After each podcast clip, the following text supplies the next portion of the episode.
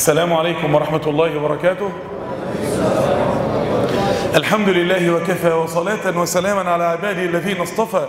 اللهم لك الحمد كله ولك الملك كله وبيدك الخير كله وإليك يرجع الأمر كله. اللهم صل على عبدك ونبيك محمد صلى الله عليه وسلم في الأولين والآخرين وفي كل وقت وحين. أما بعد إخواني وأحبابي في الله يعني من أيام كنت في جولة مع أحد إخواننا وحبايبنا يعني فنازلين في جولة يعني بنتكلم مع الشباب. نازلين في جولة بنتكلم مع الشباب. فانا بتكلم مع أخي اللي نازلين جولة مع بعض فبيقول لي في البلد بتاعتهم بيحكي لي يعني يعني شاب كان بيشرب مخدرات وبعد كده التزم والتحى وتسنن واجتهد في الطاعه معاهم. بيقول شوية وبدأ يرجع للمخدرات تاني بعد ما كان يعني حكى لي من شأنه إنه كان انطلق انطلاق طيب جدا بس ساب لحيته وساب الصلاة يعني لسه ملتحي ولسه بيصلي. شوية حلق اللحية. شوية ساب الصلاة. أول ما ساب الصلاة ابتلي بالسرطان. ربنا يعافينا أجمعين يا رب. ابتلي بالسرطان بيقول أسبوعين بالظبط. بعد أسبوعين يعني إخوانه بيزوروه قال لهم لو ربنا رجع لي صحتي تاني أنا هعمل وهسوي وهنطلق. بيقول لي تاني يوم مات. تاني يوم يعني عي أسبوعين بالظبط ثم مات. فسبحان الله العظيم. الأعمار قصيرة يا جماعة ومحدش عارف ممكن يلقى الله سبحانه وتعالى في أي وقت. ومحدش عارف ممكن يلقى الله على إيه من الآثار اللي قرأتها وشرخت لي قلبي. يعني أثر أن امرأة شديدة الجمال زوجها تزوج عليها فذهبت إلى الجنيد رحمه الله. ذهبت إلى الجنيد هي منتقبة فبتقول له زوجي تزوج علي ومثلي لا يتزوج عليها زوجها. قالت له اللي زيي اللي في جمالي لا يمكن جوزها يتجوز عليها ابدا. ثم كشفت النقاب فأول ما كشفت النقاب خر الجنيد يعني إيه؟ يبكي بكاء عظيما. فبيقول لك هو بيبكي من إيه بقى؟ بيقول لك مش بيبكي إن هو بص لها أو لقاها جميلة. بيبكي أنه فكر. إذا كان امرأة جميلة بتقول أنا استاهل إن جوزي لا يتزوج علي ولا يفكر في امرأة غيري. يعني فبيقول ولله المثل الأعلى. أمال اللي له رب زي الله سبحانه وتعالى. أمال اللي رب العالمين ربه إزاي يفكر في غير الله؟ إزاي ينشغل بغير الله؟ إزاي يسعى لغير الله؟ إحنا في موسم عظيم جدا يا شباب. في موسم عظيم جدا. وهو موسم عشر ذي الحجة. اللي احتمال كبير يبدأ مغرب الحد الجاي. لو هو يوم الاثنين يبقى بدايته مغرب الحد خدوا بالكم. لو هو يوم الثلاث يبقى بدايته مغرب الاثنين. يعني لو هو يوم الاثنين زي النتيجة اللي جنبنا ده إيه؟ يبقى بدايته مغرب الحد يعني بيننا وبينه ساعات. أنا عايز أسألكم سؤال يا جماعة وتردوا عليا. هي عشر ذي الحجة ليها فضل ليها ثواب؟ ولا هي زيها زي بقية الأيام؟ لا ثواب؟ برافو ما شاء الله لا قوة إلا بالله. ده أنتوا وحوش. طب السؤال الثاني حد يعرف آية في فضل عشر ذي الحجة؟ آية أي آية؟ الله أكبر الله أكبر يا وحوش ما شاء الله. وليال عشر ما شاء الله. طب حد عارف حديث؟ في حديث في عشر ذي الحجة حد عارفه يا جماعة ولا الموضوع ده مفيش حد عارف عنه حاجة؟ ما من أيام الله أكبر ما من أيام إيه؟ العمل إيه؟ الصالح فيها إيه؟ أحب إلى الله. من هذه الأيام الله أكبر. قالوا ولا الجهاد شاء ده أنتوا عارفين الحديث كله وعارفين الآية كلها. أنا عايز أسألكم يا جماعة بالله عليكم إيه الجديد؟ إيه الجديد؟ يعني أنتوا متوقعين إيه؟ أنا جاي وحاسس إن أنا في حاجة على صدري من التقل. إيه الجديد؟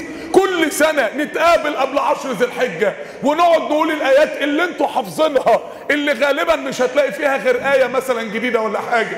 ونقعد نقول الأحاديث اللي أنتوا عارفينها ونقول الكلام والمفروض إن إحنا نسخن. ثم تعدي عشر ذي الحجة زي اللي قبلها. ممكن يكون واحد منكم كان معانا السنين اللي فاتت كان معانا السنين اللي فاتت وإحنا بنتكلم عن تسونامي العشر السنة اللي فاتت في الجماعة الشرعية.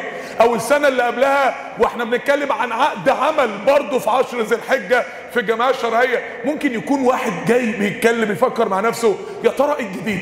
يا ترى هو النهاردة هيقول حاجة جديدة؟ يا ترى هو النهارده هيطرح حاجة جديدة؟ أنا بقى اللي بواجهك دلوقتي إيه الجديد عندك أنت؟ قبل ما تفكر إيه الجديد عندنا إيه الجديد عندك؟ بصمات العشر أنت عشر ذي الحجة ليها بصمة في حياتك. السنة اللي فاتت. إيه بصمة عشر ذي الحجة السنة اللي فاتت فيك؟ إيه البصمة اللي عشر ذي الحجة عملتها في حياتك؟ عشر ذي الحجة غيرت فيك إيه؟ عملت معالم في حياتك إيه؟ خدت فيها قرارات إيه؟ اترقيت فيها ترقيات إيه؟ بصمات يعني لو سألتكم يا اخواني بصمات رمضان. كل واحد منكم هيحكي لي بصمات لرمضان معاه. واحد هيقول لي أنا التزمت في رمضان. واحد هيقول لي أنا بعد ما انتكست رجعت تاني إلى الله في رمضان. واحد هيقول لي أنا رمضان ده كان فاصل في حياتي. اتعرفت في الاعتكاف على صحبة غيرت لي حياتي. وواحد هيقول أنا ما عرفتش القرآن غير في رمضان. ومن يوميها وأنا ما سبتوش. وواحدة هتقول أنا انتقبت في رمضان. وواحدة هتقول أنا ما عرفتش طريق العمل الخيري غير في رمضان. بصمات رمضان معلمة علينا كلنا على قلوبنا وعلى نفوسنا وعلى جوارحنا. أنا بسألك بقى دلوقتي وبسألك دلوقتي بصمات العشر إيه في حياتك؟ إيه الحاجات اللي اتغيرت في حياتك في عشر ذي الحجة اللي فاتت؟ وعشر ذي الحجة اللي قبلها؟ عايزين ناخد الموضوع بجدية يا جماعة. عايزين ناخد الموضوع بخطورة. عايزين نصدق إن عشر ذي الحجة أعظم عند الله من رمضان. عايزين نصدق قول العلماء اللي قالوا أن صدقة في عشر ذي الحجة أفضل من صدقة في رمضان. عايزين نصدق لما ابن عمر وهو من هو في اتباع النبي عليه الصلاة والسلام لما يقول أن عمرة في عشر ذي الحجة أحب إليه من عمرة في رمضان. عايزين نصدق ابن رجب الحنبلي لما قال أن مضاعفة حسنات عشر ذي الحجة أعظم عند الله من مضاعفة حسنات رمضان سواء النوافل أو الفرائض. عايزين نصدق يا جماعة عايزين نصدق إن إحنا داخلين على موسم رهيب. لا عدل له. لما الإمام الأوزاعي يقول لك الإمام الأوزاعي إخوانا ده إمام من الأئمة. إمام من الأئمة زي الأئمة الأربعة كده. لما يقول لك إن عبادة اليوم بأجر غزوة في سبيل الله عشر غزوات. لما أنس بن مالك رضي الله عنه يقول لك حدثنا أو قيل لنا أن اليوم بألف يوم وأن يوم عرفة بعشرة آلاف يوم. لما نسمع الكلام ده لما نسمع إن أجر صيام اليوم بأجر سنة عبادة ويوم عرفة بسنتين يعني التسع أيام بعشر سنين عبادة. إحنا مصدقين الكلام ده يا إخوانا؟ مصدقين ولا مش مصدقين؟ أمال ما بنجتهدش ليه؟ امال ما بنسخنش ليه؟ هو إحنا ما بنسخنش غير لما الناس تسخن. هو إحنا ما بنسخنش غير لما نلاقي تراويح رمضان الناس واقفة في الشارع من عدد. فنبدأ نسخن بقى ونصدق إن رمضان حاجة مهمة بجد. هنصدق إمتى؟ وهنعيش مع هذا الموسم الخطير أعظم عشر أيام في الحياة عند الله. أحب عشر أيام في السنة إلى الله. أرجى عشر أيام عند الله. أزكى عشر أيام عند الله أفضل عشر أيام في الدنيا كلها عند الله. زي ما هنقول الوقت الأحاديث الدالة على هذه الفضائل العظيمة. أنا عايز النهاردة لقاء النهاردة يبقى ثلاث أسئلة. عايز كل واحد منكم يجاوب لي على الأسئلة الثلاثه دي ثلاث أسئلة. السؤال الأولاني ناوي ولا مش ناوي؟ ناوي. اللي ناوي يرفع إيده كده يا جماعة. اللي ناوي. اللي ناوي ده يعني إيه؟ استنى. اللي ناوي ده يعني اللي ملهوف. إمتى هتبدأ؟ لئن أدركت العشره لا يرين الله ما أصنع. لا يرين الله ما أصنع. ناوي ده يعني واحد هيموت مشتاق. قلبه بيتلوى على الجمر من الشوق لهذه الأيام. ده معنى ناوي. أنا ناوي ربنا سبحانه وتعالى سيرى مني في هذه الأيام ما لم أفعله طيلة حياتي. لأعبدن الله في العشر. كما تعبده ملائكة السماء. العشر دي هتبقى فرصة زي أبو مسلم الخولاني كده لما كان يكربج رجليه ويقول أيحسب أصحاب محمد أن يستأثروا به دوننا؟ والله لنزاحمنهم إليه على الحوض. أنت في العشر أيام دول يبقى ده شعارك. يبقى ده شعارك. إنك أنت تعلق ورقة عندك في الأوضة كده تكتب فيها كده أيحسب أصحاب محمد أن يستأثروا به دوننا؟ والله لنزاحمنهم إليه على الحوض. حتى يعلموا أنهم قد خلفوا وراءهم رجالا. شوف أصحاب النبي في عشر ذي الحجة كانوا بيعملوا إيه؟ شوف الفرق بين قيمة العشر عندهم وقيمة العشر عندنا. شوف الفرق ما بين تعظيمهم لعشر ذي الحجة وما بين تعظيمنا لعشر ذي الحجة. السؤال الأولاني ناوي ولا مش ناوي؟ ناوي خلاص سخنان مستني. السؤال الثاني بعد ناوي ولا مش ناوي؟ جاهز ولا مش جاهز؟ جاهزة ولا مش جاهزة؟ ده انت ممكن تكون ناوي بس لما نيجي نتكلم الوقت بقى عن اللي عايز ما هو عايز يدفع مش بيقول له نفسي في العربية. قال له لو نفسك فيها اجيبها لك. قال له نفسي فيها. قال له طب احلف. قال اقسم بالله نفسي فيه قال له طب هات ثمنها قال له معيش. قال له لو كان نفسك فيها كنت جهزت ثمنها معاك ثمن العشر. جاهز. جاهز إن ربنا يفتح عليك في العشر. جاهز إن لما العشر تبدأ الوقت فعلا تقدر تعبد ربنا. هنتكلم عن أربع أنواع من الجهازان وهم أنواع كتيره يا جماعة بس إحنا مش عايزين نعقد الناس بس. إنما هو أنواع التهيؤ للعشر أنواع كتيرة جدا. هنتكلم عن يعني أنا أقول لكم بس واحدة منها كده. أنت جاهز وقتيا لعشر ذي الحجة؟ بالله عليك يا أخي. طب بالله عليك بس راجع نفسك كده. أنت جاهز وقتيا؟ يعني انت الوقت لو بدأت العشر عندك وقت تعبد ربنا طول اليوم؟ عندك وقت تعبدي ربنا نص اليوم؟ عندك وقت تعبد ربنا تلت اليوم؟ عارفين الصدمة اللي هناخدها إيه؟ ان إحنا ما عندناش وقت وان إحنا مش جاهزين وقتيا وان المفروض تاخد قرارات من قبلها. يبقى السؤال الثاني جاهز ولا مش جاهز؟ السؤال الثالث معاك خط سير ولا معاكش خط سير؟ ما أنا ممكن أكون ناوي آه وجاهز إن شاء الله بإذن الله مستعد. ومعيش خط سير مش عارف اعمل إيه. ما اناش عارف. وهو ده الفكرة اللي هنتكلم عنها في الفلكسات العشر أو ذو الحجة control flex هنتكلم عن الباقة بتاعت العشر. هنتكلم عن خط السير بتاع العشر. لأن النبي عليه الصلاة والسلام إدانا خط السير في كلمتين يا جماعة من غير وجع من غير تعب ولا كلام. إدانا خط السير في كلمتين. إيه هما؟ العمل الصالح. ما من أيام العمل الصالح فيها احب إلى الله. من هذه الأيام العمل الصالح. كل حاجة في حياتك. تعرف إن اسمها العمل الصالح هو ده الموسم بتاعها ودي المضاعفة بتاعتها. كما روي عن ابن عباس إن 700 ضعف 700 ضعف يا جماعة إن جلسة الضحى ب 700 جلسة ضحى. 700 ضعف يعني قيام الليلة ب 700 قيام ليلة. 700 ضعف يعني لو جبت في ركعتين جزء قرآن ب 700 جزء. 700 ضعف يعني الركعتين ب 1400 ركعة. 700 ضعف يعني العمرة ب 700 عمرة. طب ابن عباس في هذه الرواية يعني إن ثبتت عن ابن عباس جابها منين؟ إن ثواب الجهاد في سبيل الله 700 ضعف. والله يضاعف لمن يشاء. موضوع مش يعني إن لم تروى عن ابن عباس فالمعنى ثابت بحديث تفضيل النبي عليه الصلاة والسلام للعبادة في العشر على الجهاد. تعالوا بقى نبدأ مع بعض كده. إن شاء الله بإذن الله. ونركز مع بعض. ركزوا معايا. كل واحد وكل واحدة يركزوا معايا. لو واحدة من أخواتها ليها ابن أو بنت يعني سنهم مميز خمسة ابتدائي رابعة ابتدائي تالتة ابتدائي يقعدوه جنبهم عايزين نسمع وعايزين نوصل المعاني لولادنا ولينا جميعا يا جماعة. ناوي ولا مش ناوي؟ ناوي ولا ما انتش ناوي؟ يعني إيه ناوي ولا ما انتش ناوي؟ لما جينا نتدبر في أحاديث عشر ذي الحجة لقينا النبي عليه الصلاة والسلام بيقول إيه؟ ما من أيام العمل الصالح أحب إلى الله فيها من هذه الأيام. فلقينا كلمة أحب أيام الدنيا إلى الله. انت دلوقتي لو واحد زعلان منك تصالحه بإيه؟ بأحب شيء اليه فانت دلوقتي عايز تتصالح على ربك أحب شيء اليه أحب الأيام إلى الله لن يعبدوا فيها إلا أحب العباد إلى الله. يعني دي أيام حب يا جماعة. طب تعالوا ندور في باقي ألفاظ الأحاديث. لقينا إن أحاديث عشر ذي الحجة فضل فيها النبي عليه الصلاة والسلام. عشر ذي الحجة على سائر أيام الدنيا بخمس كلمات. فضل فيها النبي أفعل تفضيل أفعل تفضيل. عشر ذي الحجة على سائر أيام الدنيا بخمس كلمات سواء رمضان أو غيره. إيه هما أول كلمة أحب. طب تاني كلمة حديث النبي صلى الله عليه وسلم أفضل أيام الدنيا العشر. عارف يعني إيه أفضل؟ أنت عارف يعني إيه أفضل؟ يعني أفضل قيام ليل طول السنة في العشر ليالي دول. أفضل عشر جلسات ضحى أو تسع جلسات ضحى هتقعدهم طول السنة في, العشرة دول. أفضل تكبيرة احرام هترفعك عند ربنا طول السنة في العشرة دول. عارف يعني إيه أفضل؟ يعني أفضل سبحان الله هتطلع منك لربنا طول السنة في العشرة دول. أفضل أيام الدنيا العشر.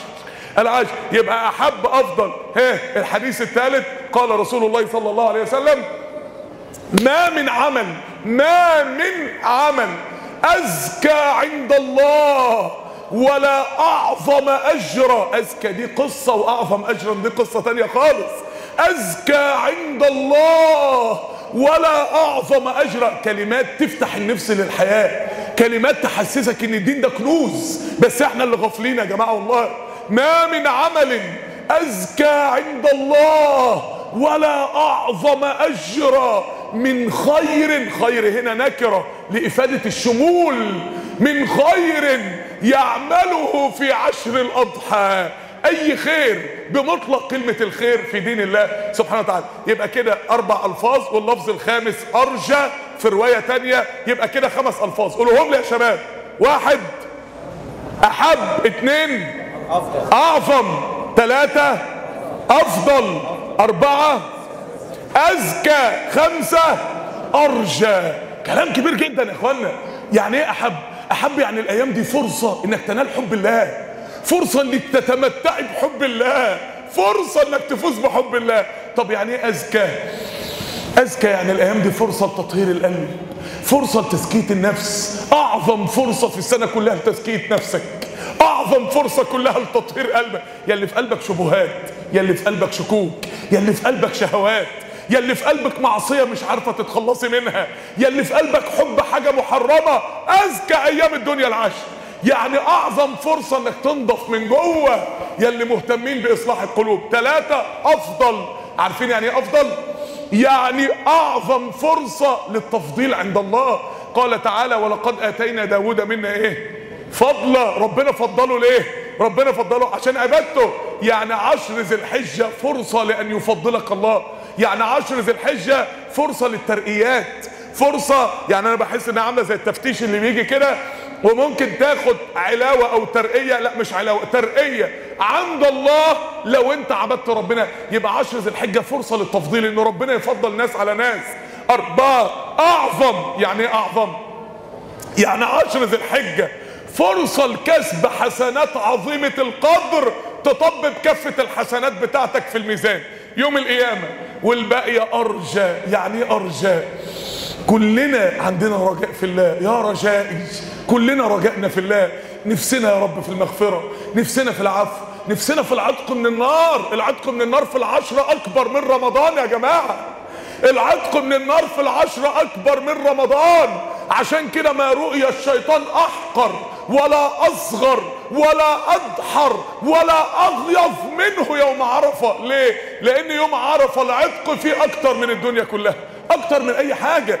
وده يوم فعشر ذي الحجة أكتر من رمضان في العتق من النار وهذا لا يقل من قدر رمضان. ده ده بيفهمنا إن عشر ذي الحجة ورمضان موسمين عبادة. عاملين زي رجليك الاتنين ما ينفعش تمشي برجل واحدة.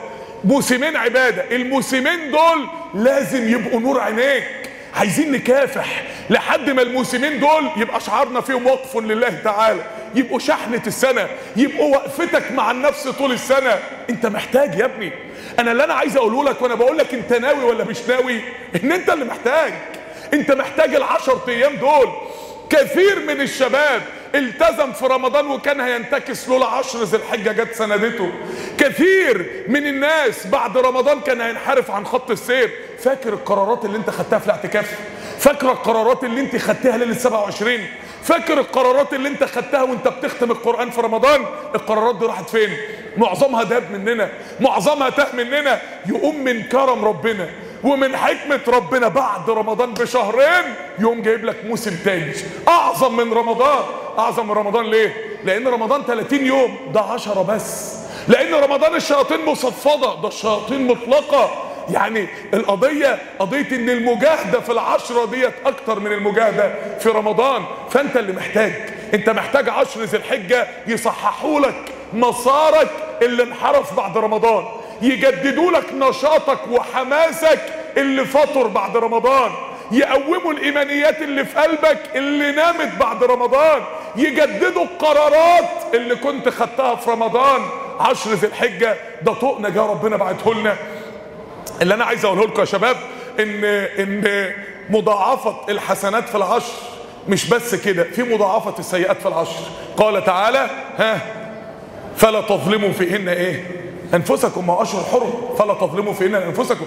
يعني في نهي خاص عن المعصية في العشر غير النهي العام في أي يوم تاني. زي ما الحسنات بتضاعف السيئات والعياذ بالله ربنا يحفظنا ممكن تضاعف. فاحذر من معصية الله في عشر ذي الحجة. احذر من معصية الله في هذه المواسم. احذر في مواطن المضافة إن والعياذ بالله تعصي ربنا فتضاعف عليك السيئات.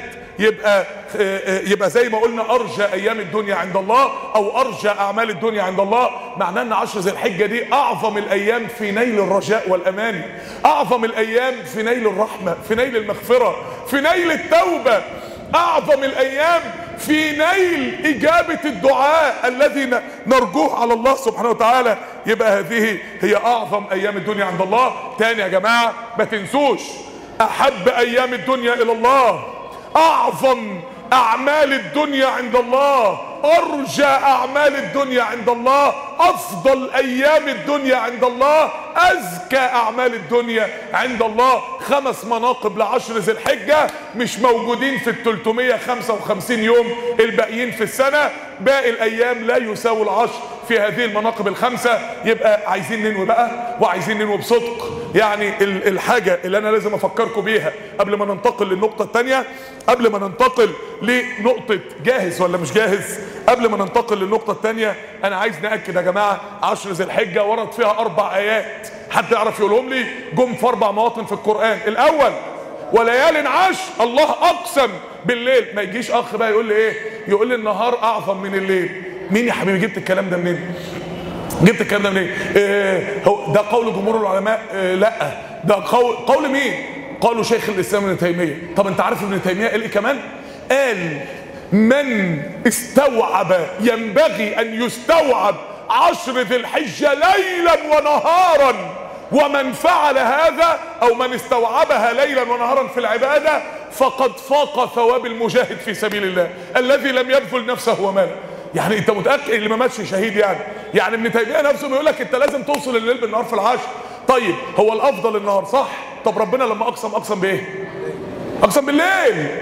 أقسم بالليل يعني القسم أصلا جاي بالليل. يبقى إزاي تستهين بالليل؟ إزاي تستهين بقيام الليل فيها؟ ده ربنا قال وليال عشر يعني مع مغرب الحد اللي جاي ده أول ليلة من الليالي اللي ربنا أقسم بيها. فإذا كنت بتقول النهار أعظم فإذا كان ربنا أقسم بالأقل. يبقى الأعظم يبقى إيه؟ يبقى يا جماعة قضية الليل ولا النهار دي قضية لازم ننساها. قضية يعني ممكن العلماء في تحقيقاتهم العلمية يتكلموا فيها. إنما الثواب فائق. زي اللي يقول لك الصيام في عشر ذي الحجة الدليل عليه إيه؟ يعني إيه الدليل عليه إيه؟ العمل الصالح. يعني قبل ما نجيب حديث ثبت عن النبي عليه الصلاة والسلام إن هو صام فيها العمل الصالح. كلمة من خير يعمله في عشر الأضحى. عايزين نبقى عمليين وعايزين يبقى فكرنا عملي بإذن الله سبحانه وتعالى عشان ما نتوهش الناس ورانا. يبقى وليال عشر اتنين. ويذكروا اسم الله في أيام معلومات معدودات بتاعت سورة البقرة اللي هي أيام التشريق. معلومات بتاعت سورة الحج اللي هي عشر ذي الحجة على قول جمهور المفسرين. وربنا قال ويذكروا مضارع مستمر. ما تبطلش ذكر فيها ليل ولا نهار. مين يا جماعة؟ ينوي من الوقت إنهم يبقوا عشر أيام ما يبطلش ذكر فيهم دقيقة واحدة. مين مين يتقد فيه العزم من الوقت إنه يطبق هذا الكلام؟ أنا مش هبطل ذكر لله دقيقة طول العشر أيام دول. اذا لصفحتكم الملائكة في الطرقات. اللي يقدر يعمل الكلام ده كلام النبي عليه الصلاة والسلام. عليه الصلاة والسلام. طيب الحديث الآية الثالثة. ووعدنا موسى ثلاثين ليلة وأتممناها بعشر. قال كثير من المفسرين إن دي كانت هي عشر ذي الحجة أصلا. ده كان ميقات ربنا ميعاد ميقات ربنا لموسى ثم ربنا ادى لموسى التوراة وكلم موسى. فهذه الأيام العبادة فيها بترفع المقام عند الله. الموطن الرابع وشاهد ومشهود. إيه هو بقى العشر فيها؟ ها؟ الشاهد ولا المشهود؟ الشاهد ولا المشهود؟ أنتوا عاملين زي مرة مرة وأنا داخل امتحان. ف... فكان حالة طبية كان امتحان رمض. فواحد قال لي الحالة كذا خد بالك إن الحالة كذا. فأنا قال لي خد بالك إن الحالتين مرض كذا ومرض كذا. فأنا دخلت فلقيت الحالتين قدامي. بس أنا مش عارف مين بقى دي ومين بقى دي. فهو إحنا جبنا الآية شاهد ومشهود بس مين المشهود؟ المشهود هو يوم عرفة. المشهود هو يوم عرفة يا إخواني في الله. يبقى على قول طبعا من أقوال المفسرين يبقى اذا أربع مرات ربنا ذكرها في القرآن منها مرتين في الجزء 30 في سورة الفجر وفي سورة إيه؟ وفي سورة البروج. منهم مرتين في الجزء 30 والمرة الثالثة في سورة الإيه؟ سورة الحج. والمرة الرابعة فين؟ في سورة الأعراف يعني الأربعة مكيين يعني الأربع مواطن مكية. يعني ربنا من مكة وهو بيأصل في الصحابة عظمة عشر ذي الحجة. من مكة من مكة من قبل ما تفرض من قبل ما تفرض الفرائض والشريعة في المدينة. والله يؤصل في الصحابة عظمة عشر ذي الحجة. طيب جميل جدا. تعالوا بقى ننتقل للنقطة الثانية جاهز ولا مش جاهز؟ جاهز ولا ما انتش جاهز؟ جاهز نفسيا؟ جاهز حياتيا؟ جاهز وقتيا؟ جاهز ذهنيا؟ جاهز ولا ما انتش جاهز؟ أنا ممكن أكلمك عن أخطر نوع من أنواع الجهازان. هو أنت تستاهل إن ربنا يفتح عليك في العشر. أنت تستاهل إن ربنا يمدك بمدد من عنده في العشر. أنت جددت التوبة قبل العشق ده نوع من أنواع الجهزان يا جماعة. أنت جاهز لتلقي فتوحات الله. يعني من الآخر تستاهل. تستاهل إن ربنا يفتح عليك إيه؟ طيب عشان استاهل اعمل إيه؟ توب لربنا. خلي اليومين اللي جايين دول استغفار استقبلهم بالاستغفار. عشان لو في ذنوب تمنع فتح ربنا عن قلبك أو عن جوارحك الذنوب تروح. روح الليلة اتوضى وصلي ركعتين توبة. عشان ربنا يمحي عنك ذنوبك. فما يبقاش في موانع من تلقي فتح الله. الحاجة الثانية انت جاهز نفسيا؟ خد قرار يا ابني. يا جماعة أسوأ إنسان في الدنيا بيضيع عمره الإنسان المذبذب. الإنسان اللي ما يقدرش ياخد قرار. الإنسان يعني تخيلوا كده مشكلتنا في الدين إن إحنا في الدنيا بناخد قرارات وبنفصل وبناخد قرارات جريئة جدا إنما في الدين ما بنقدرش ناخد قرار. يعني أنا لو وقفت واحد منكم قلت له حبيب قلبي أنت هتتجوز مين؟ قال لك اتجوز ده الجواز ده جميل قوي والجواز ده نعمة عظيمة من الله. بس أنا سايبها لله والله إن شاء الله ربنا اللي هيجوزني إن شاء الله. طيب هتشتغل إيه؟ آه ده الشغل ده عبادة. والإيد البطالة حاجة وحشة جدا. إن شاء الله لازم أشتغل. بس إن شاء الله ربنا يختار لي. إن شاء الله ربنا هيجيب لي شغلانة. طب هتسكن فين؟ آه ده ربنا قال جعل لكم من بيوتكم سكنا والبيت ده حاجة عظيمة. بس والله إن شاء الله ربنا يختار لي بيت. إن شاء الله ربنا يرزقني بيت. الشخص ده هينجح في حاجة في حياته يا جماعة. الشخص ده يبقى إنسان ضايع. إنسان تايه. إنسان ضل في حياته. ليه؟ لأن ده لا دين ولا دنيا. تصدقوا يا اخوانا ان إحنا عاملين كده في الدين؟ هو يا أخي الله انت إيه الصغر اللي انت هتحترف عليه؟ آه الصغر في الدعوة ده لازم أكون ليا صغر. أنا ما ينفعش أموت وأقابل ربنا وأنا إيدي بطالة في دين الله. إنما إن شاء الله إن شاء الله جواب وأنا اخترتك هيوصلني إن شاء الله في يوم من الأيام. طيب يا أخي في الله أنت مين الصحبة الصالحة اللي أنت يعني فصلت إنك هتعيش معاها وتموت معاها؟ ودول صحبتك ودول آه ده لازم صحبة. إن شاء الله ربنا يبعت لي. طب أنت إيه بيئة الإيمان اللي أنت مرتبط بيها؟ آه ده بيئة الإيمان ده. إن شاء الله. يا ابني الدين إجابة حاسمة. يا ابني اديني إجابة فاصلة. يا ابني اديني إجابة فيها قرار. يا إخوانا خدوا قرار في دينكم. زي ما بتاخدوا قرارات في دنيتكم. زي ما قررت كلية تدخلها. مجموعة مجموعة ما جابهاش في, في الجامعة. العامة قلبت الدنيا وفريت كل جامعات مصر الخاصة لحد ما جبت مكان تروح فيه. أنا هدخل الكلية دي وهدخل القسم ده وهتجوز فلانة. حتى لو شقيت عشرين سنة أجيب مهرها فيه وهسكن في الحتة الفلانية وهجيب عربية ماركة كذا. ولو قعدت أشتغل نص عمري عشان أشتريها. زي ما بتاخد قرارات في دنيتك خد قرارات في دينك. حرام يا جماعة. الذبذبه تضييع للعمر. الإنسان المتردد ده بيضيع عمره. يبقى أنت أنت جاهز نفسيا؟ أنت واخد قرار؟ عارف زي أهل الكهف كده؟ لما بيقولوا إيه؟ لما بيقولوا فأووا إلى الكهف ينشر لكم ربكم من رحمته. قرار خطير جدا. وكان الظالمين عايزين يموتوهم. ولو راحوا الكهف ممكن يموتوهم بسهولة من غير ما حد يعرف أصلا. ومع ذلك لما تبين إن ده مصلحة دينهم خدوا القرار بكل سهولة. خدوا القرار بكل سرعة. خد قرار. النبي عليه الصلاة والسلام بعد جلسة الضحى في قعدة مشوره مع الصحابة عليه الصلاة والسلام خد قرار حفر الخندق وفي قعدة تانية خد قرار الخروج لأحد. ما تطولش طريقك. ما تبقاش إنسان مذبذب. خليك إنسان تقدر تاخد قرار تقدر جاهز نفسيا. جاهز حياتيا. يعني إيه جاهز حياتيا؟ ما أنت ممكن تكون غير مغرز نفسك في غرزة في عشر ذي الحجة غرزة دنيوية ولا صفقة هتعملها؟ يا ابني صفقات الآخرة أعظم من صفقات الدنيا. حبيبي أنا مش متطرف. أنا ما بقولكش كلام في شدة. أنا بقول لك يا عم يا رب تبقى أغنى واحد في الدنيا بالحلال. إنما في المواسم اعرف إن صفقات الآخرة أعظم من صفقات الدنيا. في المواسم ادي وقت يا ابني. في ناس مش عايزة تدي وقت يا جماعة. فأنت جاهز حياتيا. جاهز حياتيا. من الآيات اللي بتشد قلبي قوي قوي في القرآن. آيات ذبح سيدنا سليمان للخيل. هو ربنا محتاجين نسمعها الوقت بقى. إحنا محتاجين نتجهز بالايات دي العشر ذي الحجة. ربنا بيقول ووهبنا لداود سليمان. ربنا أثر دنيوي للطاعة. يعني لو أنت مجتهد في الدين ممكن ربنا يرزقك ذرية تشيل الدين من بعدك. نعم العبد إنه أواب. ماشي. كلام كبير. طب عمل إيه؟ إذ عرض عليه بالعشي الصافنات الجياد إذ لما تشوف إذ دي في قصة من قصص الأنبياء اعرف إن ده أعظم لحظات عبد الأنبياء فيها الله. دي أعظم قرارات الصالحين خدوها في حياتهم. فربنا خلد اللحظة دي بالذات. ما سيدنا سليمان عمل مليون عبادة. ما في مليون عبد واحد عبد ربنا غير سيدنا سليمان. اشمعنى المواقف دي؟ دي أعظم لحظات ربنا رضي عن الصالحين بسببها. ليه؟ لأنها لحظات القرارات. لح دايما تلاقي لحظة عز دي بعدها أخذ قرار. شوفوا القرار اللي خده سليمان. إذ عرض عليه بالعشي الصافنات الجياد قال لك يعني إيه عرض عليه؟ قال لك يعني عرض ملكي كلمة عرض دي يعني عرض ملك ده ملك. سيدنا سليمان كان ملك. عرض يعني عرض ملكي. فتخيل العرض الملكي ده بقى متكلف قد إيه؟ والعرض الملكي ده الهيلمان اللي فيه قد إيه؟ بالعشي. ابن عثيمين بيقول في الباء ديت إن الباء دي معناها العشيه قال لك من الظهر للمغرب. قال لك استمر عرض الخيول من الظهر للمغرب. يعني قال لك كمية الخيول ابن كثير بيقول عشرين ألف فرس. يعني كمية الخيول آلاف الخيول.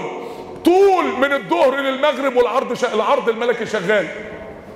وبعد كده تيجي كلمة مبهرة بقى الصافنات الجياد قال لك يعني إيه الصافنات قال لك الصافنات اللي روعة في وقفتها إنما الجياد اللي روعة في انطلاقها. الصافنات اللي ترفع رجل وتقف على ثلاث أرجل.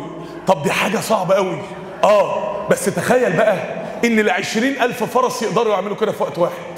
يعني معناه إنهم خدوا تدريب مهول على ما قدروا إنهم يقفوا العشرين ألف مع بعض ويأدوا العرض بتاع الصفن بتاع الصافنات طب الجياد اللي ساعة ما بتنطلق بقى جمال رقبتها وجمال آه، آه، ال- ال- الفرس وجمال آه، ال- الساق بتاعة الفرس في الانطلاق الأفراس بيبقى شكلها جميل قوي وهي بتجري كده وجمالها معناه إن هي بتخطف العين. فالآية الأولانية بتقول لك عددها قد إيه؟ تمنها قد إيه؟ بذل مجهود في تدريبها قد إيه؟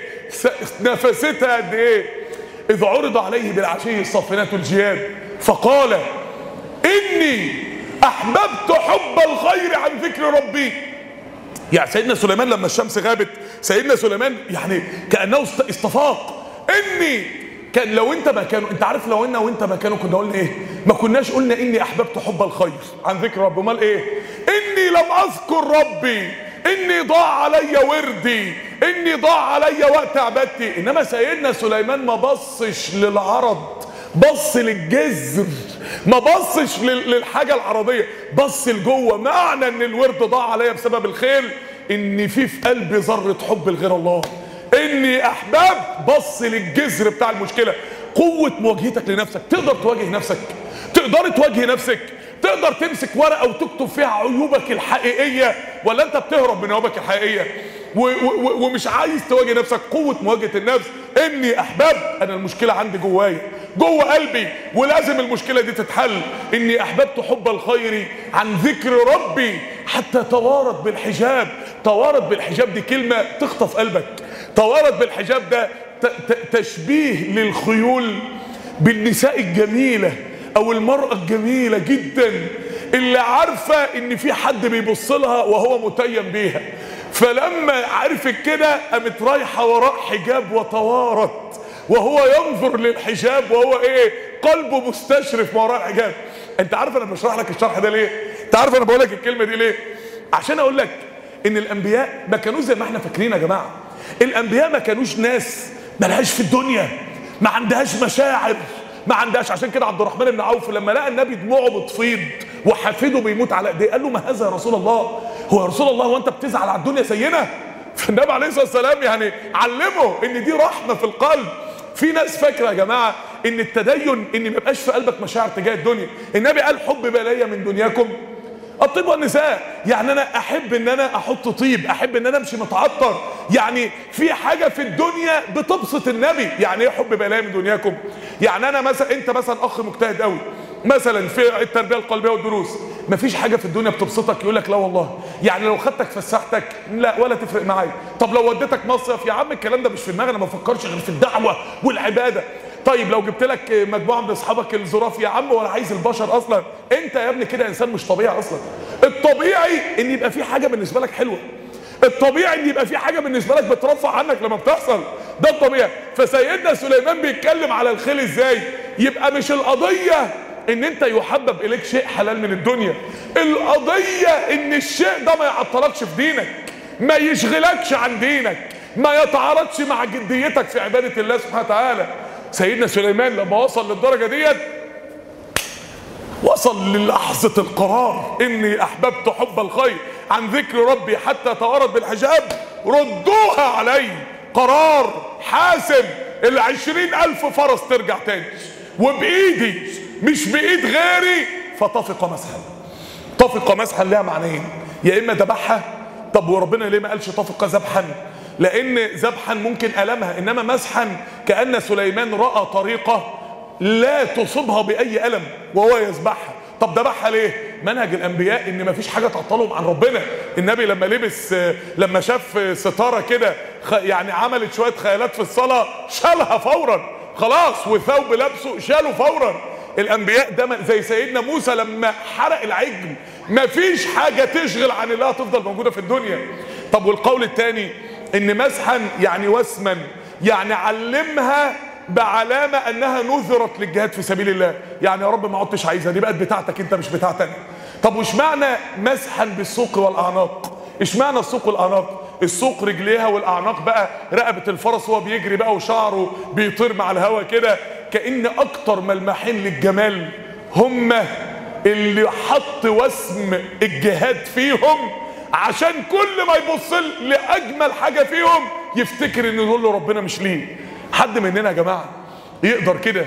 يبقى مثلا بيبني برج على المشاية واحد منكم كده ربنا يفتحها عليه كده. ها شيخ محمد افتحها عليه يبقى معاه 30 40 مليون جنيه. 30 40 مليون جنيه دول يجيبوا كام متر على المشاية؟ يجيبوا 10 متر دلوقتي ولا يجيبوا إيه؟ يعني المهم يعني يبقى معاه ثروة طائلة كده ويقوم راح واخد بقى إيه؟ في وش مسجد الصديق مثلا عند الشيخ أحمد جلال كده بقى إيه؟ يبني برج كبير. وهو بيبني البرج أذان العصر يدن فيقول إيه خلاص أنا رايح أصلي وفاة يتشغل مع العمال. أنت ما ما محرتش هنا كويس وأنت ما بلطتش هنا كويس وأنت يقوم نازل رايح المسجد يلاقي تكبيرة الإحرام راحت. يقوم راجع على البرج جايب 100 عامل ونازلين مدشدشينه. طفق مسحا. حد يقدر فينا يعمل كده؟ أنبياء يا جماعة اتخاذ قرار. خد قرار يا ابني. فطفق مسحا بالسوق والأعناق.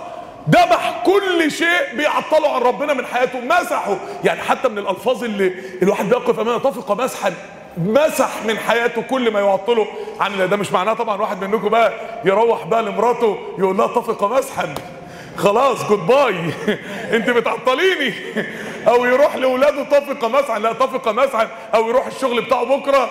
يقف قدام مدير الشغل كده طفق مسحا بص. أنا في لحظة امسح لك الشغلانة دي من حياتي. لا طفق مسحا مش في ضروريات الحياة. لأن كل ضرورة من ضروريات الحياة أنت بتمسحها من حياتك هي إيه؟ هتردها لك بعدها. طفق مسحا في كل ما يعطلك عن الله. ضرورات الحياة ما بتعطلكش. ضرورات الحياة دي أصلا أنت محتاجها في الدين قبل ما تكون محتاجها في الدنيا. طيب يا إخواني في الله يبقى جاهز جاهز حياتيا. يعني طفقت مسحا بالحاجات اللي معطلك عن عشر ذي الحجة. مسحت إيه من حياتك عشان عشر ذي الحجة؟ عملت إيه؟ حد يقدر يقول لي كده خد قرار إنه مسح حاجة من حياته عشان يفضل عشر ذي الحجة؟ ما دي النقطة الثالثه جاهز وقتيا يا ابني. عندك وقت؟ يعني هقول لكم حاجة يا جماعة. يعني يعني انت ساعات كده يعني في اخوة مستفزة يا جماعة معلش ما تزعلوش مني أنا آسف يعني. آه فانت تقعد مع الأخ كده تقول له إيه رأيك بقى في جلسة الضحى؟ حجة وعمره يقول لك الله الله يا سيدي. جميل جدا بس للأسف شغلي الساعة 7 الصبح. ما أقدرش. طيب إيه رأيك بقى كل يوم في عشر ذي الحجة تقعد من العصر للمغرب في المسجد تقعد تذكر ربنا؟ يقول لك يا سلام يا سلام ده هي دي. بس ببقى لسه راجع من الشغل. ما أقدرش. طب بص بقى إيه رأيك بعد العشاء تقفل محمولك وتقفل عليك باب اوضتك وتنطلق لك ساعة ساعتين في قيام الليل؟ انت جبتها. بس هي دي الساعة اللي بقعد فيها مع مراتي. ده أنا اتخلع. لو يومين ثلاثة ضيعت الساعة دي.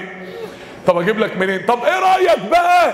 التهجير قبل الظهر بساعة. تروح المسجد. يا عم بقول لك العصر مش فاضي تقول الظهر يعني طب إيه رأيك بقى من المغرب للعشاء؟ تقعد كل يوم في الجامعة تذكر ربنا في الوقت ده. وخد بالك إن العشر أصلا يعني المغرب للعشاء ده لا طالب بيلحق يذاكر ولا تاجر بيلحق يعمل صفقة ولا حد بيلحق يعمل حاجة. إيه رأيك؟ ده ده وقت الفيسبوك بتاعي يا عم. أدخل على الفيس وتويتر وسكايب و... وال social media والإنستجرام. أدخل على الكلام ده إمتى؟ ما أقدرش. ما أقدرش. طب إيه رأيك بقى؟ تخفى من قدامي. إيه رأيك بقى؟ تمشي من قدامي عشان ما نعملش جريمة هنا. طب أنت عايز إيه؟ عارفين النموذج ده بيفكرني بقى يا جماعة؟ عارفين اللي راح آه، الوظيفة؟ فبيقولوا له أنت بتعرف تتكلم إنجليزي؟ قال لهم لا. قالوا له طب بتعرف تتكلم فرنساوي؟ لا. طب تعرف تتكلم طيلياني أمال أنت جاي ليه؟ هو أنت طب أنت عايز إيه؟ يعني ماذا ترجو إذا كنت أنت مش هاين عليك تشيل من وقت انشغالاتك ساعة تديها لربنا أمال عايز توصل لربنا إزاي؟ يا اخوانا ما هو ده اللي جه للنبي عليه الصلاة والسلام وبعد كده حس إن المجلس هيطول ولا إن الدنيا حر ولا إن الدنيا زحمة؟ قام ماشي. النبي قال لهم عليه إيه؟ أعرض.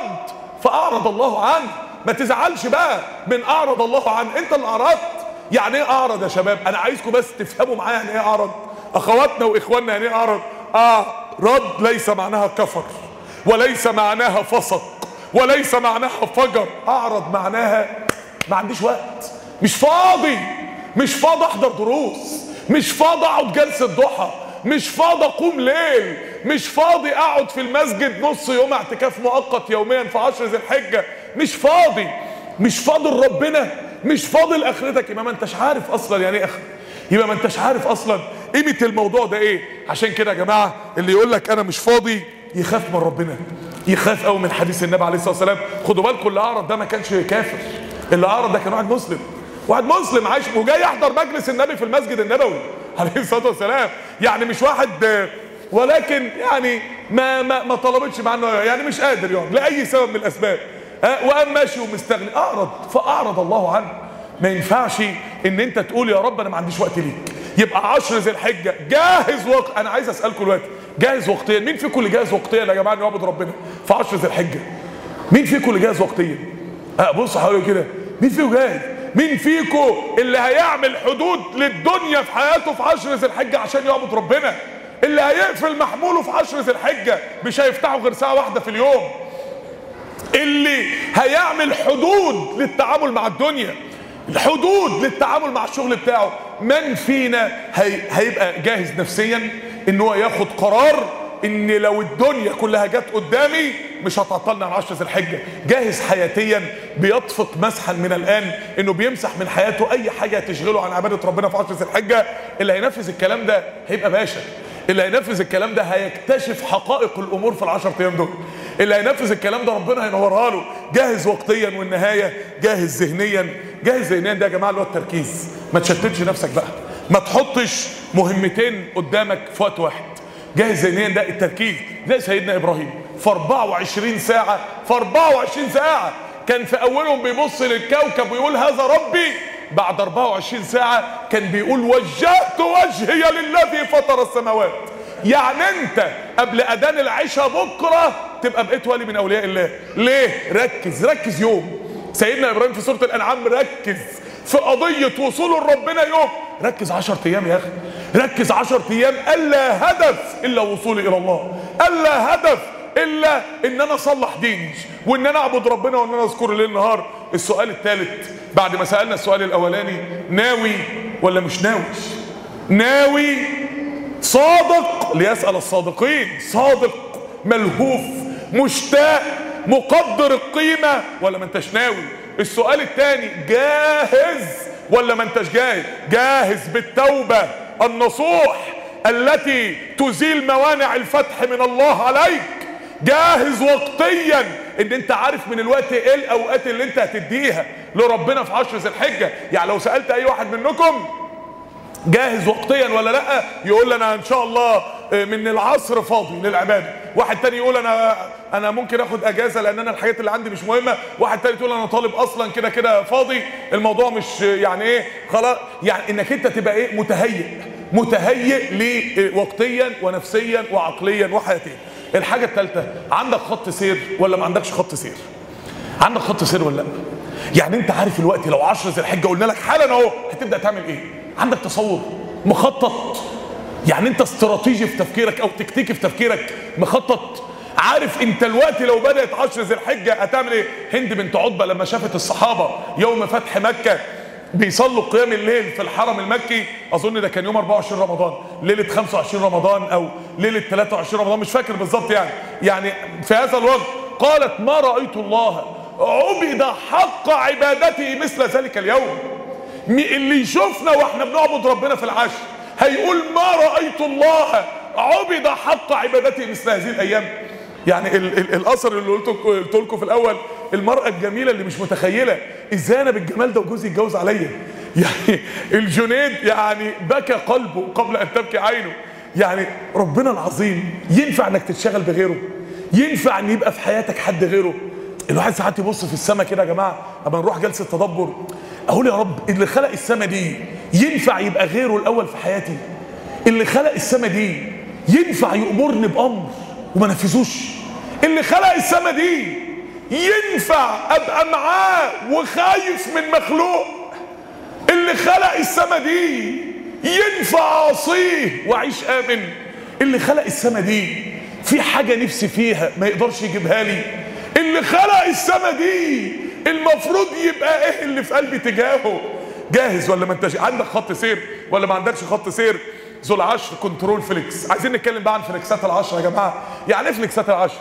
حد يعني حد عارف يعني إيه فليكسات فودافون؟ يعني إيه فليكسات الموبايل؟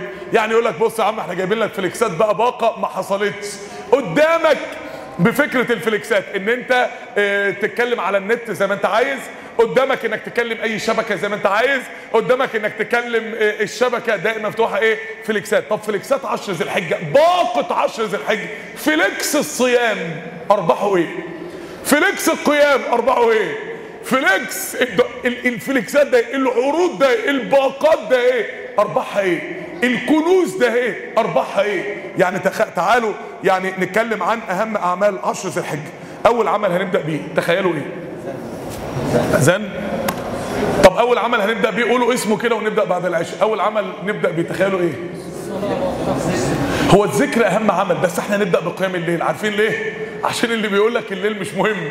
نبدأ بقيام الليل بإذن الله سبحانه وتعالى. آه طيب إخواننا بقى المقطع بتاع المونتاج آه بعد الأذان على طول يعرضون اتفضل يا شباب. جزاك الله امسح من حياتك أي حاجة تعطلك عن ربنا. امسح من حياتك أي حاجة تقف بينك وبين ربنا. امسحها مسح من قلبك ومن حياتك. لما تخيل شاب الوقت تحت التراب أو بنت تحت التراب وكان ايامه الدنيا وكانت ايامها الحياة وكان امامها الحياة وبيعدي عليهم عشر ذي الحجة.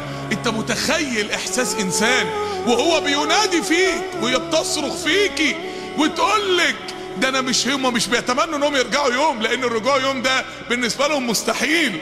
ده هم عايزين يفوقوا الناس اللي فوق التراب. كأنهم يرسلوا لنا رسالة أنتوا مش حاسين. يعني إيه احساس انسان صحيفته اتقفلت؟ يا جماعة صحيفته اتقفلت دي ربنا سماها في القرآن إيه؟ مصيبة. انت مش متخيل احساس انسان صحيفته اتقفلت. مش متخيلة احساس انسان عداد حسناتها وقف مش متخيل انسان ما عادش عنده ليل يقومه. ما عادش عنده نهار يصومه. مش متخيل إحساس إنسان ما عادش عنده إيد يمسك بها مصحف ولا عين يقرأ بها في مصحف ولا لسان يذكر به الله ولا ليه ولا رجل يروح بها بيت الله. ما أنتوش متخيلين إحساس إنسان ما عادش ينفع يقول أستغفر الله ما عادش ينفع يقول يا رب. دي كلها كانت أعمال وانتهى زمن العبد ارباح إنك تبقى إنسان عابد جربت يا ابني إنك تمسك مصحف وتقف بين ايدين ربنا كده الساعة 7 الصبح 8 الصبح 10 الصبح واحدة الظهر اتنين الظهر. 10 بالليل واحدة بالليل اتنين بالليل أي وقت من أوقات النفل المطلق. وتقف تصلي بين إيدين ربنا. لو الدنيا اتزلزلت ما أنتش قايم من مكانك. أنا يا رب مش هيصرفني عن عبادتك أي شيء. جربت يا ابني أحوال العابدين. جربت يا ابني أحوال السابقين. جربت يا ابني أحوال اللي عاشوا الدنيا دي صح. ولا يا ابني أنت عايش تايه زي بقية الناس. ملتزم ولكن من إيه يعني من بعيد لبعيد كده يعني ساعة العرض على الله ربنا بيسأل العبد أسئلة معينة من الأسئلة ما شغلكم عن عبادتي إيه اللي منعك؟ إيه اللي عطلك؟ لو كنت مريض ما أيوب أهو ما عطلوش مرضه. ولو كنت غني ما سليمان أهو ما عطلوش ملكه. ولو كنت شاب جميل ووسيم ما, ما يوسف أهو ما عطلوش شبابه. ولو كنت فقير ما عيسى أهو ما عطلوش فقره. إيه اللي منعك اللهم بلغنا عشر ذي الحجة واجعلنا فيها من الفائزين. اللهم بلغنا هذه الأيام المباركة الطيبة واجعلنا فيها من الفائزين يا رب العالمين. اللهم اجعلها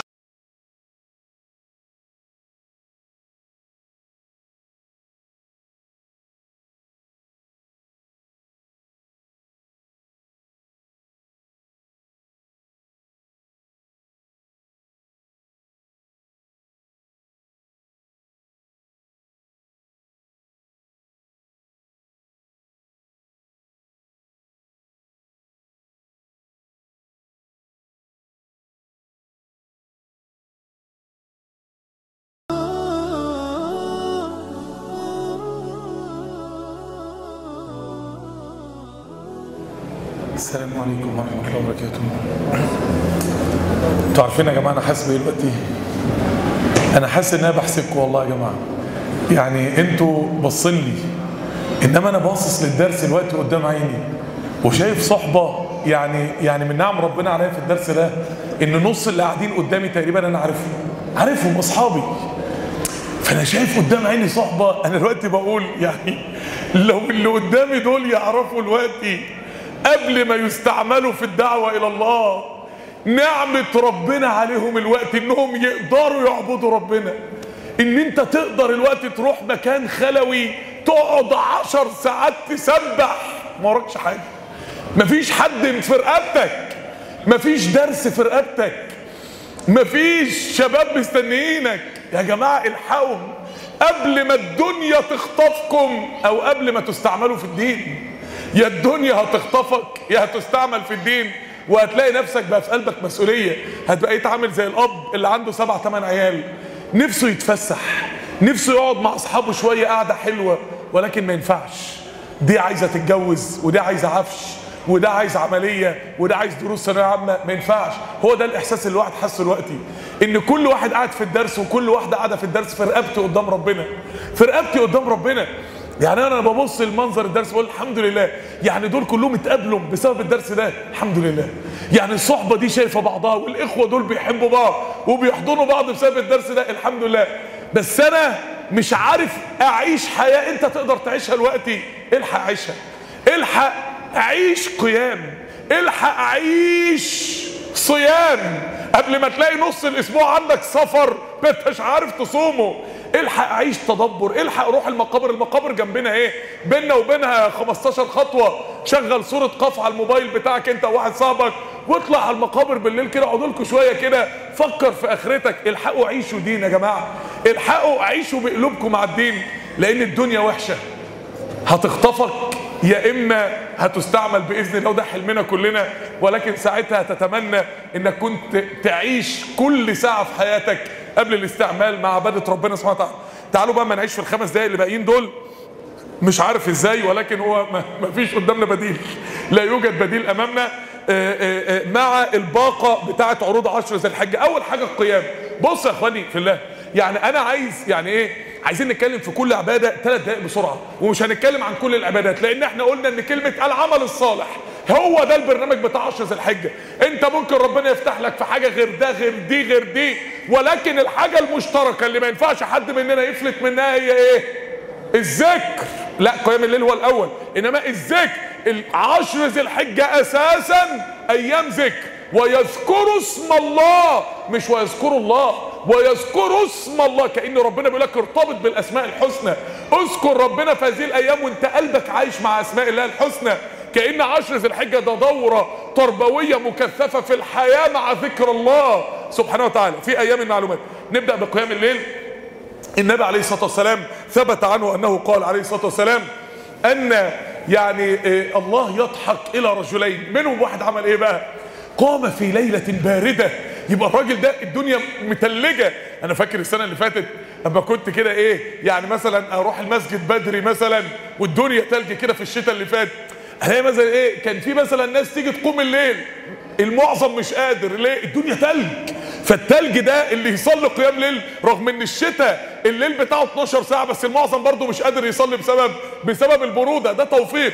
رجل قام في ليلة باردة وفي رواية ثار ثوره ثوره على النفس وعلى الكسل وعلى العجز. واحد قام انتفض قام في ليلة باردة بيتكتك فاكرين الشتاء يا جماعة؟ شهر واحد وهتفتكروه إن شاء الله أبشروا يعني. ما تقلقوش. قام في ليلة باردة من لحافه ودثاره وفراشه. ساب اللحاف وساب البطانية والكبرتة والسرير ومراته اللي جنبه وقام. وقام يصلي. فيقول الله لملائكته ما حمل عبدي هذا على ما فعل. اللي مقومه والدنيا تلج والناس كلها متكلفتة في البطاطين. فيقولون يا رب رجاء ما عندك وشفقة مما عندك. فيقول فإني أشهدكم يا ملائكتي أني أعطيته ما رجا وأمنته مما يخاف. أنا اللي بي يعني بيدوب قلبي يا جماعة في الحديث ده إن الراجل ده واقف يصلي وبيتكتك وقاعد تعبان ونفسه ينام والشيطان قاعد يجي له يفكره بشكل البطانية. ولو سمع الحوار اللي من فوق سبع سماوات بيدور عشانه قلبه هيدوب. هيدوب من اللهفه على العباده اللي بيعبدها في حديث آخر رجل قام يعالج نفسه. يعالج نفسه دي غير ليلة باردة. يعالج نفسه ده هيموت عشان ينام. مش قادر. قاعد يع... كأنه بيموت وقاعد يعالج نفسه. قوم معلش معلش. فيقول الله لملائكته من وراء الحجاب ما حمل عبدي هذا انظروا إلى عبدي هذا. يعالج نفسه.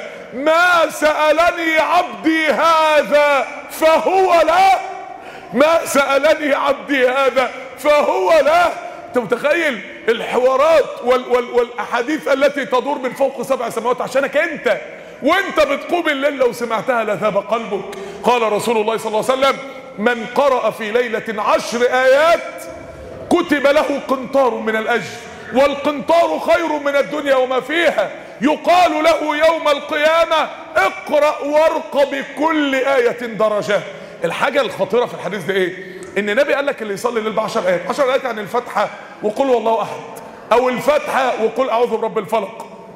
10 آيات. يعني أنت ممكن تحت يعني تستقل إن ركعة. وخلاص. العشر آيات دول يوم القيامة ترتفع بيهم 10 درجات في الجنة. يعني هتندم قد إيه؟ لما تفاجئ إن كان في أعمال بسيطة قوي أنت ممكن تاخد بيها ثوابات عالية قوي بس أنت اللي استقلت بيها. هتندم قد إيه؟ يبقى أول حاجة عرض القيام يا جماعة عرض الذين يبيتون لربهم سجدا وقياما عرض أمن هو قانت آناء الليل ساجدا وقائما يحذر الآخرة ويرجو رحمة ربه. عرض كانوا قليلا من الليل ما يهجعون. مين هيقتنص العرض بتاع القيام في عشر ذي الحجة؟ يرفع إيده. مين هيقنصه؟ ها هتقنصه قد إيه؟ هتصلي بعد العشاء ولا قبل الفجر؟ قبل الفجر بربع ولا نص ولا ساعة ولا ساعة. ها اللي اللي هيصلي قبل الفجر ساعة يرفع ايده. إن شاء الله بإذن الله. اللي ناوي طب واللي ناوي بعد العشاء ساعة يرفع ايده. جميل. طب واللي ناوي قبل الفجر ساعتين يرفع ايده. رائع. طب واللي ناوي يصلي طول الليل الله يعينه. بلاش يرفع ايده عشان ما يتحسدش. يبقى القيام. الصيام يا جماعة. الصيام. صيام التسع من ذي الحجة يوم العيد ما بيتصامش طبعا. صيام التسع من ذي الحجة. يعني الصيام أنا مش هكتر في الكلام لأن إحنا في الآخر البقاء الفليكس بتاع الصيام. آه يعني ال- ال- الصيام. العبادة الوحيدة اللي الإخلاص فيها 100% يقين. عشان كده العبادة الوحيدة اللي ما بتخلصها بتقول إيه؟ ما شاء الله ثبت الأجر. خلاص. هو في عباده انت بعد كل عباده بتقول ربنا تقبل منا. يا رب بعد الصيام ثبت الأجر. طب جبتها دي منين؟ العبادة الوحيدة اللي الإخلاص فيها 100% العبادة الوحيدة اللي تقدر تقعد 16 ساعة تعبد ربنا بقى متواصل. محدش يقدر يقعد 16 ساعة يقرأ القرآن متواصل. محدش يقدر 16 ساعة يعمل جولة يكلم الشباب عن ربنا متواصل.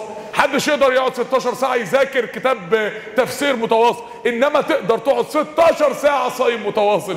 يبقى العبادة الوحيدة اللي بتخليك 16 ساعة متواصل عداد حسناتك شغال حتى وأنت نايم. العبادة الوحيدة اللي ربنا سماها في القرآن سياحة. العبادة الوحيدة اللي عليها حصانة يوم القيامة مفيش حد يعرف ياخد مظلمه منك من عبادة الصيام. عليها حصانة ربانية يبقى دي الصيام. مين هيصوم التسع أيام؟ يرفع إيده. ما شاء الله جميل جدا. متهيألي أكتر عبادة الناس متواطئة عليها. أو طبعا أخواتنا بالذات يعني إيه؟ يعني بيصوموا التسع أيام بس صححي نيتك ما تبقاش بنية الرجيم. تصومي بنية ربنا. تصومي بنية التقرب إلى الله مش بنية إن أنت يعني إيه؟ يعني الستات اللي هم بيحبوا الصيام قوي ودي حاجة يشك فيها أصلا. مش معنى الصيام اللي بيحبوه كده. يعني في عبادات تانية في قيام ليل وفي تكبيرة إحرام وفي بس هم إن شاء الله مخلصات يعني. العبادة الثالثه الذكر فليكس الذكر باقة الذكر عرض الذكر ذكر الله سبحانه وتعالى. أنا أقول لكم حديث واحد بس يا جماعة. ولكن لو قلوبنا عاشت معاه هي يفرق معانا كتير قوي. لو فهمنا معنيه النبي عليه الصلاة والسلام واخد الصحابة في طريق مكة فلقى جبل اسمه جمدان فقال سيروا هذا جمدان. يعني إيه سيروا هذا جمدان يعني؟ طب يا رسول الله ما إحنا عارفين ان هو جمدان يعني؟ يعني بتفكرنا بالجبل ليه؟ سبق المفردون. قالوا يا رسول الله ومن المفردون؟ قال الذاكرون الله كثيرا والذاكرات. وفي رواية الذين أهتروا بذكر الله المولعين بالذكر. عارف إنسان مولع؟ إنسان شغوف مولع إن بالأذكار وأنواع الأذكار ومعاني الأذكار ويقعد يذكر ليل نهار إنك تبقى مولع بالذكر مولع بذكر الله. النبي عليه الصلاة والسلام جاب لهم جبل ليه؟ لأن يعني أول حاجة الجبل كل حصوة فيه بتسبح ربنا فأنت في منافسة مع كل حصوة في هذا الجبل. ولأن دي عبادة الجبال. سيروا هذا جمدان سبق المفردون. مين المفردين؟ الذين أفردوا وجهتهم وقصدهم وطاقتهم في اتجاه واحد فتفردوا في هذا الاتجاه عن سائر الخلق. يبقى اللي افرض نفسه لله. أنتوا عارفين إن الله وتر يحب الإيه؟ الوتر. بعض شراح الحديث قال لك يعني يحب الوتر؟ قال لك مش يحب ركعة الوتر. ده بعض الشراح قال لك يعني يحب من أفرض نفسه لله اللي خلى نفسه لربنا بس يعني اوطر نفسه لله. أنا بتاعك أنت بس يا رب. فسبق المفردون الذين أفرضوا كل وجهة حياتهم لربنا بس. ربنا بس اللي في حياتي وجهتي فتفردوا عن سائر الخلق. بقوا متفردين. بقوا إيه؟ عاملين زي العقد الفريد كده حاجة متفردة. هذا جمدان سبق المفردون. الذاكرون الله كثيرا والذاكرات الذاكرون الله كثيرا. شوف كثيرا دي عند ربنا قد إيه بقى. شوف كثيرا دي لما نبي من أولي العزم من الرسل سيدنا محمد عليه الصلاة والسلام يقولها. يبقى باقة الذكر. في حاجات تانية يا جماعة. قرآن طبعا. يعني مناسب أو حاجة جميلة قوي إنك تجيب إيه؟ ختمة قرآن. إن أنت إحنا معانا مصاحف النهارده أهو. معانا مصاحف. ومعانا كتب ما شاء الله كتب دكتور خالد أبو شادي أول مرة أصلي. آه، هنوزع الوقت. دي واحدة آه، آه، معانا يعني مسألة إن أنت تجيب ختمه في عشر ذي الحجة. إنك تجاهد إنك تجيب ختمه في عشر ذي الحجة. إن أنت يعني يعني يا إخوانا لو أنزلنا هذا القرآن على جبل لرايته خاشعا متصدعا. اشمعنى جبل؟ لأن الجبل ده أقل مخلوق على وجه الأرض بيتأثر بما حوله. أقل مخلوق بيتفاعل مع ما حوله هو الجبل. الدنيا بتقوم وبتتهد والجبل ده مكانه ما بيتأثرش. فربنا جاب لك أقل مخلوق في التأثر قال لك هينهار لو تلقى هذا القرآن. طب أنت قلبك ما بينهارش ليه؟ كأن ربنا بيقول ده لو كان جبل كان انهار أنت قلبك صامت كده ليه؟ أنت قلبك غليظ كده ليه؟ أنت قلبك حجر مع القرآن كده ليه؟ عندنا يا إخواني في الله الدعوة إلى الله. الدعوة إلى الله. يا ترى يا جماعة مين هيجيب ختمة في عشر ذي الحجة؟ ختمة قرآن ب 700 ختمة. 700 ختمة بإذن الله والله يضاعف لمن يشاء. طب مين هيجيب نص ختمة؟ 15 جزء يعني جزئين في اليوم. طب مين هيجيب ربع ختمة؟ طب مين مش هيقرأ قران خالص؟ طب اللي ما رفعوش إيديهم دول ناويين يعملوا إيه؟ أنا عايز أفهم بس. يعني اللي ما رفعوش إيديهم دول هم ناويين على إيه بالظبط؟ يعني حلو ولا وحش يعني؟ ها هو التفاعل حلو فهمني. يعني يعني عرفني انت فين عشان اعرف أقول لك إيه. ركز في الذكر اخلاص يعني ما شاء الله جميل بس يعني يا جماعة أنا لما بسألكم يعني أنا مرة سألت سؤال في درس الجمعية. مين اللي كان معانا في درس الجمعية؟ يرفع إيده كده. الله أكبر الله أكبر الله أكبر والله. الناس بتستمر أخيرا يا رجالة السلفويين بيستمروا على حاجة. ده إيه الجمال ده؟ طب أنا أسأل سؤال بقى أنا خايف أسأله. وأنا سألته لكم المرة اللي فاتت في عرفة. حد فاكر السؤال كان إيه؟ يا شيخ أحمد. آه فطبعا اتكبست آه لما قلت مين اللي كان معايا السنة اللي فاتت اتكبست فقلت لكم أعمل إيه؟ قلت لكم السنة الجاية هعمل إيه؟ هسأل نفس السؤال يا جماعة إن شاء الله. شوفوا الأيام عدت إزاي سبحان الله. الكلام ده كان يوم عرفة السنة اللي فاتت. أيام عدت ورجعنا تاني. ربنا يحيينا يا رب على طاعته يا رب. إن جينا عرفات إن شاء الله هيبقى عرفات هنا. بإذن الله سبحانه وتعالى هيبقى الاعتكاف هنا من الليلة اللي قبلها. بإذن الله سبحانه وتعالى. فإن جينا آه، آه، آه، يعني إن جينا عرفات وسألتكم يا جماعة مين كان معانا في عرفات السنة اللي فاتت؟ يرفع إيده كده. والله كويس. يعني النسبة تحسنت جدا جدا عن السنة اللي فاتت. رغم إن السنة اللي فاتت لما قلت مين هيقول أنا السنة الجاية كل رفع إيده. بس حلو جدا إن النسبة بتتحسن الاستمرار يا جماعة. مفيش حد بيكمل. عايزين نكسر دي بقى. عايزين نعلم الأجيال اللي هتيجي بعدنا إن شاء الله بإذن الله إن يا ابني أنا بقالي 20 سنة بحضر درس. أنا يا ابني بقالي 15 سنة بقوم الليل. أنا يا حبيبي بقالي 16 سنة بروح تدبر. آه كنا مع بعض إخواننا كده في مكان تدبر فواحد مننا بيقول أنا بقالي 18 سنة باجي هنا. إيه؟ هو ما اتحسدش ولا حاجة وراح تاني الحمد لله. يعني مش آه، هو بقى بيقول لي إخوان ما هو برضه اللي موجودين بيبقوا يعني يستاهلوا إنهم يسمعوا الكلمة دي. إن إن إحنا يا جماعة أنا بفكر نعمل ميداليات استمرارية. عارفين يعني إيه؟ يعني ميدالية مكتوب عليها ست شهور. للي بقاله ست شهور ثابت في درس أسبوعي. ميدالية مثلا سنة للي بقاله سنة. ميدالية مثلا آه، سنتين. نشوف مثلا حضور الدرس وحاجة تانية قيام الليل مثلا أي حاجة. يعني نشوف حاجتين ونعمل لهم ميداليات ميدالية ذهبية وميدالية فضية. ونوزع بقى ونشوف استعداد الناس. نشوف استعداد الناس إيه؟ الدعوة إلى الله. فليكس الدعوة إلى الله. أو باقة الدعوة إلى الله. إن أنت تجيب ورق عن عشر ذي الحجة وتوزع. بس دي خيابة. معلش يا جماعة ما تزعلوش مني يعني. يعني امبارح كنت أنا وعمنا الشيخ تامر كده نزلنا قهوة من القهاوي كده فقعدنا نكلم الشباب وبعد كده في الآخر العشاء اتدنت. ما عادش في وقت نكلم شباب أكتر من كده. خلاص كلمنا مثلا شلتين ثلاثة ما عادش في وقت أكتر من كده قمنا موزعين ورقة 10 ذي الحجه بقى. يبقى اذا التوزيع ده حاجة بتسند إنما ده مش الأساس. إنما مين ناوي يتكلم عن عشر ذي الحجة؟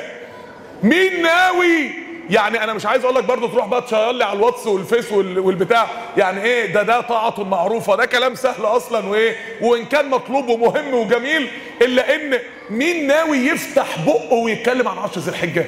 يرفع إيده كده. اللي عنده عزيمة. إن حاجة من اللي سمعها النهارده كده هيبلغها لأصحابه ويبلغها لأهله ويبلغها لقرايبه ويبلغها في المسجد اللي بيصلي فيه. مين ناوي يعني يطلق لسانه في الكلام عن الله في عشر ذي الحجة؟ ها؟ يرفع إيده. كويس جدا. واضح إن فضل ومنه الله. يعني على الأقل نص الدرس معانا في الفليكسات بتاعتنا أو في يعني الباقات بتاعتنا. ما تنسوش الأضحية يا جماعة. اللي ناوي يضحي حاجة عظيمة أو أنت ماسك الخروف كده بتذبحه افتكر ان في نفس اللحظة دي من كذا ألف سنة ما كانش واحد ماسك خروف بيذبحه كان واحد ماسك ابنه بيذبحه. فوانت بتذبح افتكر ان انت اللي مكان اللي بيتذبح ده. لو انت اللي مكانه كنت هتقبل. شوف الخروف مسلم لك إزاي؟ ها؟ تخيل بقى ان الذبيح كان مسلم نفسه لسيدنا إبراهيم نفس التسليم ده. فلما اسلم سايب نفسه يتذبح بدون أي مقاومة. انت تقدر تعمل كده عشان ربنا؟ عشان كده اسمها الأضحية. من التضحية من التضحية. انت تقدر تعمل كده عشان ربنا؟ تقدر تعيش المعنى ده؟ الموضوع بسيط جدا. هو الخروف وصل لكام دلوقتي؟ 6000 جنيه يا عم أنتوا هتشتغلوا هنا 6000 جنيه يا عم. هتلاقي الخروف ب 1000 جنيه ولا حاجة. ثلاثة وأربعة. أنتوا عاملين زي ذو الحجة اثنين ولا ثلاثة يا عم الخروف بكام يا رجالة؟ آخر عهد بيه كان ب 1200 جنيه 1300 جنيه. دلوقتي بكام؟ 3000 جنيه. والله يا جماعة أنا بقول يعني إن في إن في باقات جميلة يعني باقة الأضحية الله يعينكم. بقى 3000 جنيه دلوقتي طبعا يعني إيه؟ يعني الحمد لله يعني إيه؟ مش مبلغ كبير قوي يعني. صح ولا إيه؟ اتنين ده لا ما هو الخروف لواحد. اللي يخشوا آه العجل هو اللي يخش فيه سبعة. إنما الخروف آه، واحد. ف... فشدوا حيلكم يا جماعة. 3000 جنيه هتروح تعيطي لبابا النهارده بالليل؟ تقول له 3000 جنيه؟ يقول لي خلاص يا بنت أزعلك على إيه؟ يا موضوع بسيط يعني هتروح تعيط النهارده للسيد الوالد. خاتم ولا حاجة؟ أجيب لو بعد خاتم. آه لو بعت خاتم. شوفوا الناس المضحية. ما هوش متجوز مش عارف لسه يعني غلبان. بيقول لك لو بعت خاتم. يلا الحمد لله. ربنا يبارك لنا في زوجاتنا يا رب. الحمد لله. طيب يا إخواني نوصل بقى للتوصيات النهائية. يعني بعد الكلام عن ال- الكلام العملي توصيات النهائية. أول حاجة يا اخوانا هنعمل إيه في 10 ذي الحجة؟ 10 ذي الحجة 10 أيام عبادة. يا إخوان ما عدا اليوم العاشر. اليوم من بعد عرفات اليوم العاشر بليلته دي عبادات اجتماعية. صلة أرحام و و و. الكلام ده هنقوله الجمعة الجاية إن شاء الله. الجمعة الجاية إن شاء الله بإذن الله هنفطر مع بعض هنا إن شاء الله بإذن الله. خلاص يا جماعة؟ هنفطر على حساب مين بقى؟ مين اللي هيدفع المهر يا جماعة؟ هنفطر على سبيل مفيش حد يتبرع كده لوجه الله كده. واحد يقول أنا أنا أنا أجيب 100 واحد يقول أنا أجيب 50 واحد يقول أنا أجيب 150 وجبة. ده 10 ذي الحجة يا إخوانا اليوم بسنة. وأنس بن مالك بيقول لك اليوم ب 1000 يوم. يعني أنت متخيل كده؟ الوجبة الواحدة ب 1000 وجبة.